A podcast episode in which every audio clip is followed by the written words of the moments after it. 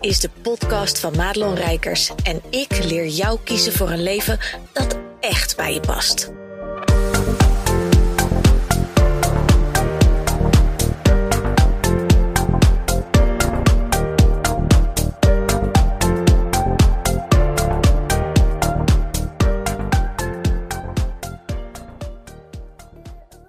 Hey, wat fijn dat je weer luistert naar deze podcast. En ik weet nog niet helemaal wat nou precies het thema wordt waar uiteindelijk de titel van deze podcast over zal gaan. Maar ik ga je een aantal hele toffe dingen vertellen. Want er gebeurde onlangs iets magisch. En als je erover nadenkt, is het eigenlijk helemaal niet zo woe-woe magisch en bijzonder. Maar gewoon een logisch gevolg van uh, manifesteren. Van iets uitzenden in de ether. En hoe meer je dat doet, dat je dus ook zal zien hoe sneller dat zal gaan. Als je maar volgt wat de bedoeling is. Nou, dat klinkt lekker cryptisch. Als je mij volgt op Instagram of je staat op mijn mailinglijst, dan um, weet je dat ik onlangs een blog heb geschreven of een post heb gemaakt. En denk je, hé, hey, ik wil op die mailinglijst. Kijk dan even in mijn Insta-bio, daar zit een linkje ergens onderaan. En dan kan je gewoon alleen maar opgeven voor die mailinglijst. Dus dan ontvang je twee keer per week van mij een mailtje. Eentje met de blog, eentje met de podcast in je mailbox. En als er nog iets tofs te melden is tussendoor. Wat gebeurde er? Ik deelde een blog naar mijn uh, mailinglijst over een vroegere beste vriend. Toen ik, um, nou zeg maar tussen de, wat zal het zijn geweest, 14 en 18, 19, nee, zelfs ouder. Toen had ik een hele goede vriend. En laten we het voor de vorm even de beste vriend noemen. Um, en dat was een hele bijzondere relatie, want die was gewoon echt gestoeld op vriendschap. En er waren geen verliefdheden, geen gekkigheden. En dat is natuurlijk ook bijzonder als een jongen en een meisje van die leeftijd gewoon met elkaar om kunnen gaan zonder dat daar iets anders uh, bij komt kijken. Ik schreef in dat blog over uh, een situatie die is voorgevallen en die viel wel vaker voor met hem. Want wat deed Elias nou altijd?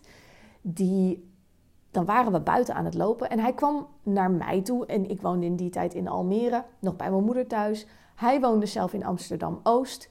Uh, daar kom ik oorspronkelijk ook vandaan. Dus we hadden de leeftijd dat we natuurlijk heen en weer uh, konden en mochten reizen. Hij was van Marokkaanse afkomst en echt zo'n Amsterdams straatschoffie in die tijd. En dat, hij was geen schoffie hoor, laat dat heel duidelijk zijn. Want Elias is een type die altijd gedreven was en werkte in uh, supermarkten. Op de markt heeft hij volgens mij ook uh, gewerkt. Nou, die was altijd lekker bezig. En wij hadden een bepaalde klik. Wij hadden namelijk zelf uh, dezelfde club waar we bij aangesloten waren. Een vereniging in Amsterdam in Amsterdam Oost. En we gingen één keer per jaar met een hele grote groep kinderen in allerlei verschillende leeftijden gingen wij op kamp. En dan moet je je voorstellen dat daar zo'n hele bus vol met ja, Amsterdam en omstreken uh, kinderen op de Veluwe in zo'n soort jongere um, herberg, hostel, whatever, werd gedropt. En we gingen daar een week lang gewoon ja, lekker buiten zijn, in de bossen ravotten. En ook gewoon weer even kind kunnen zijn. Want er waren heel veel van deze kinderen van wie de ouders bijvoorbeeld um, bijna geen geld hadden. En uh, misschien ook niet zo'n leuk leven thuis hadden. Hè. Ik, ik kan me nog heel goed herinneren dat er ook een jongen was die, ja, die had gewoon echt grote problemen thuis. En het was zo'n fijne week. Ik kan daar nog steeds naar terugkijken met zoveel liefde. Wat gebeurde er? Uh, wij, wij wilden nog zo lang mee dat wij op ons achttiende met de groep waar we eigenlijk ja, al jaren mee weggingen, toen we nog een beetje ja, kind waren of, of net tiener, dat we op ons achttiende nog een keer uh, zijn geweest. En toen was het echt voor de leiding ook een soort van, nou jongens, kappen nou, want weet je, dit, dit, kan, dit kan niet meer, dit kunnen wij ook niet meer dragen, weet je, jullie worden gewoon letterlijk te oud. Nou ja, dus wij hebben een, een hele uh, bijzondere band die dus op, op die manier tot stand is gekomen. En wij hebben al die tijd hebben wij dus een uh, ja, contact gehouden. En wij, in het blog schreef ik, want dit wordt een hele lange intro, merk ik. In dat blog schreef ik over een situatie dat wij op de Linnaeusweg liepen. En dat is de weg in Amsterdam Oost. Um, waar je bijvoorbeeld langs het Tropenmuseum rijdt. Waar je bijvoorbeeld, uh, als je aan de andere kant rijdt, parallel daaraan loopt de Dappermarkt. Um, En het is ook de plek waar ik geboren ben. Want het oude burgerziekenhuis, dat heet nu geloof ik Mansion Hotel. En toen dacht ik, wat tof, want ik heb dat even opgezocht. Ik denk, ik ga daar een keer slapen op de plek waar ik geboren ben. Maar dat was destijds, ehm, ehm, toen ik geboren werd, het burgerziekenhuis. Maar ook de plek waar een paar jaar nadat Elias en ik daar liepen, uh, Theo van Gogh is vermoord. Dus het is een, ja, eigenlijk best wel een hele bijzondere, energetische uh, plek voor mij. Maar wij liepen daar op een dag, ergens in 1997 volgens mij. En hij bukte ineens. Dus we liepen eigenlijk te praten. Nou, laten we vooropstellen, um, ik kan heel veel praten. Maar uh, hij minstens net zoveel. En dat is zo grappig en zo lekker. Want het is heel vaak natuurlijk vrouwen kwekken en mannen niet. Maar deze jongen had altijd verhalen. En die kon zo lekker naar hem luisteren. En het, hij had ook een lach. En die heeft hij nog steeds trouwens. Maar daar kom ik zo op. Die zo aanstekelijk werkt dat uh, ja, iedereen, hij is heel innemend altijd al geweest. En um, we waren aan het kwekken en we liepen ondertussen op, op de stoep langs die drukke Linnaeusweg. Want het is ook daar de doorgaande route natuurlijk, hè, vanuit uh, nou, Diemen en zo, uh, richting het centrum. En ineens bukt hij. Dus ik liep eigenlijk nog een stukje door, al, al pratende. Zo van, oh, wacht even, weet je, er is niemand meer, dat. En um, hij was bezig weer met een muntje van de grond rapen. En dat deed hij altijd. En ik heb het natuurlijk voor dit blog gewoon heel erg uitvergroot hoe die ene situatie was. Maar je moet je voorstellen dat hij dat altijd deed. Als we ergens waren, als we ergens liepen. Hij bukte altijd als hij een muntje zag. Of als hij dacht dat hij een muntje zag. Maar het bleek een of ander lipje van een blikje of zo, weet je wel. En dan zei hij altijd... Want dan moest ik lachen, want dan dacht ik, ach jongen, uh, stuiver, nou wat levert dat op? En, en toen zei hij altijd, ja, maar 5 cent is wel het begin van een miljoen. En die zin, die is mij altijd bijgebleven. En, en daarom voelde ik ook dat ik daar een, een keer iets over wilde delen in een blog en in een, uh, in een post. En dat heb ik gedaan. Nou, en dat is zo'n verhaal wat dan vervolgens best wel uh, veel bereik krijgt. Hè? Omdat het een, ja, het is een leuk, vermakelijk verhaal. Maar de boodschap die erin zit, is heel waardevol. Want veel te weinig kijken uh, ondernemers die um, ja, hard bezig zijn hè, om, om succesvol te worden. Veel te weinig kijken we in het algemeen, en daar heb ik soms ook last van. Hè, dat is echt zo'n bewustwordingsmoment. Naar maar wat heb ik al? En als je kijkt naar elke euro die er aan jou is uitgegeven, of dat nou gaat om een um, productje van uh, een tientje, of dat het gaat om een coachtraject van zeven ruggen, dat maakt niet uit elke euro, elke cent in dit geval, is het begin van een miljoen. En op het moment dat je dus zo in die vibe in je business staat, gaan er hele andere dingen gebeuren. Kan ik je verzekeren. En ik zal je ook uitleggen waarom ik die garantie geef. Ik heb dat blog uh, geplaatst. Uh, ik heb dat op Instagram gezet en automatisch ook op Facebook. Ik, ik doe niet meer zoveel op Facebook anders dan adverteren en mijn groep draaien. Uh, dus ik ben daar zelf niet zoveel aanwezig, zeg maar. Maar wat blijkt nou? Uh, er zijn best wel heel veel mensen, ook van mijn verleden, die mij daar nog volgen, zakelijk. Dus wat gebeurt er? Een mutual uh, friend of ours, van Elias en van mij. Want ik, ik had Elias al in geen eeuwen gesproken of gezien. Dus um, die had hem getipt over dat verhaal. En zo kwam het dus dat ik in de middag van, het, ja, van de dag dat ik die post maakte, een berichtje van hem kreeg. En ja, dat was zo tof. Want wat schreef hij nou? Van ah, leuk verhaal over die Elias. En hij zei, en, en daar kreeg ik tranen in mijn ogen. Want ik dacht, ik begrijp niet goed wat hij schrijft. Eh, eh, meent hij nou serieus wat hij schrijft? Hij zegt, het heeft me 26 jaar gekost om het te behalen, die miljoen. En ik denk, dit kan niet waar zijn. Dus ik heb een berichtje teruggestuurd. En wat gebeurt er? Hij belt mij via Facebook Messenger. En zo kwam het dat we na al die jaren elkaar weer spraken. En het was alsof er niks veranderd was. Hij klonk nog hetzelfde. De lach was net zo aanstekelijk als toen. Als je hem hoort lachen, moet je zelf ook automatisch lachen. Daar zit zoveel levensvreugde in, in die gozer.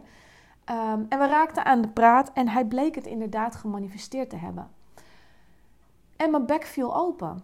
En dat is gek, want ik ben de hele dag aan het kwaken met mijn klanten over manifesteren. Ik, ik doe het zelf en we zien de resultaten. En, En toch, en toch, en toch, dat hoofd denkt altijd, nou, ik weet niet of dat zo werkt.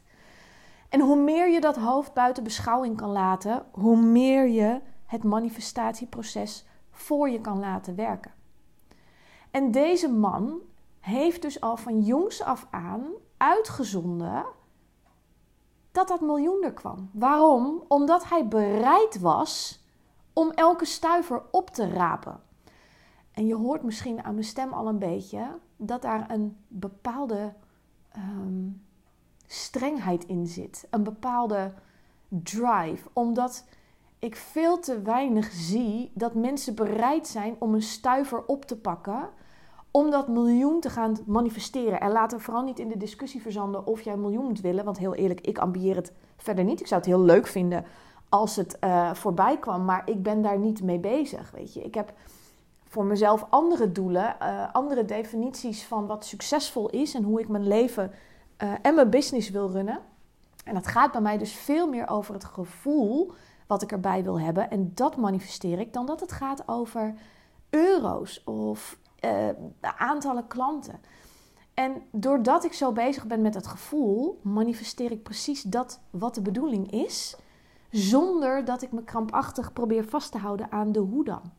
Om steeds maar weer te luisteren naar: oké, maar wat is mijn volgende stap? Waar mag het heen?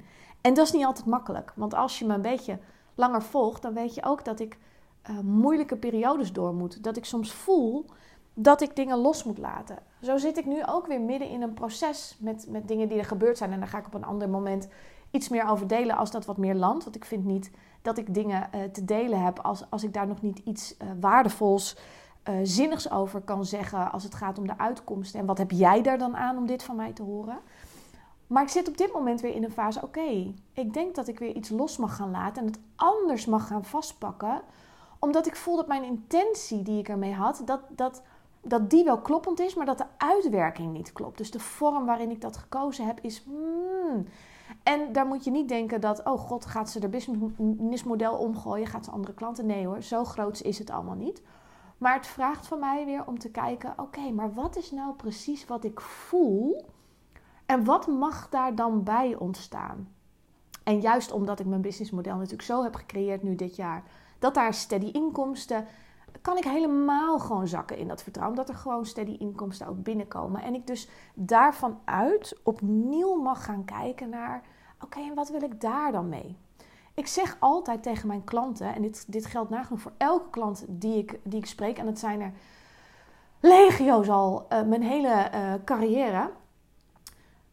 Sommige ervaringen, sommige besluiten kun je pas nemen als je bereid bent om de ervaring aan te gaan. Zonder dat je weet, oké, maar wat gaat het opleveren? Ondernemen is vaak acht keer op je bek gaan en de negende keer ineens denken, ja, dat is het.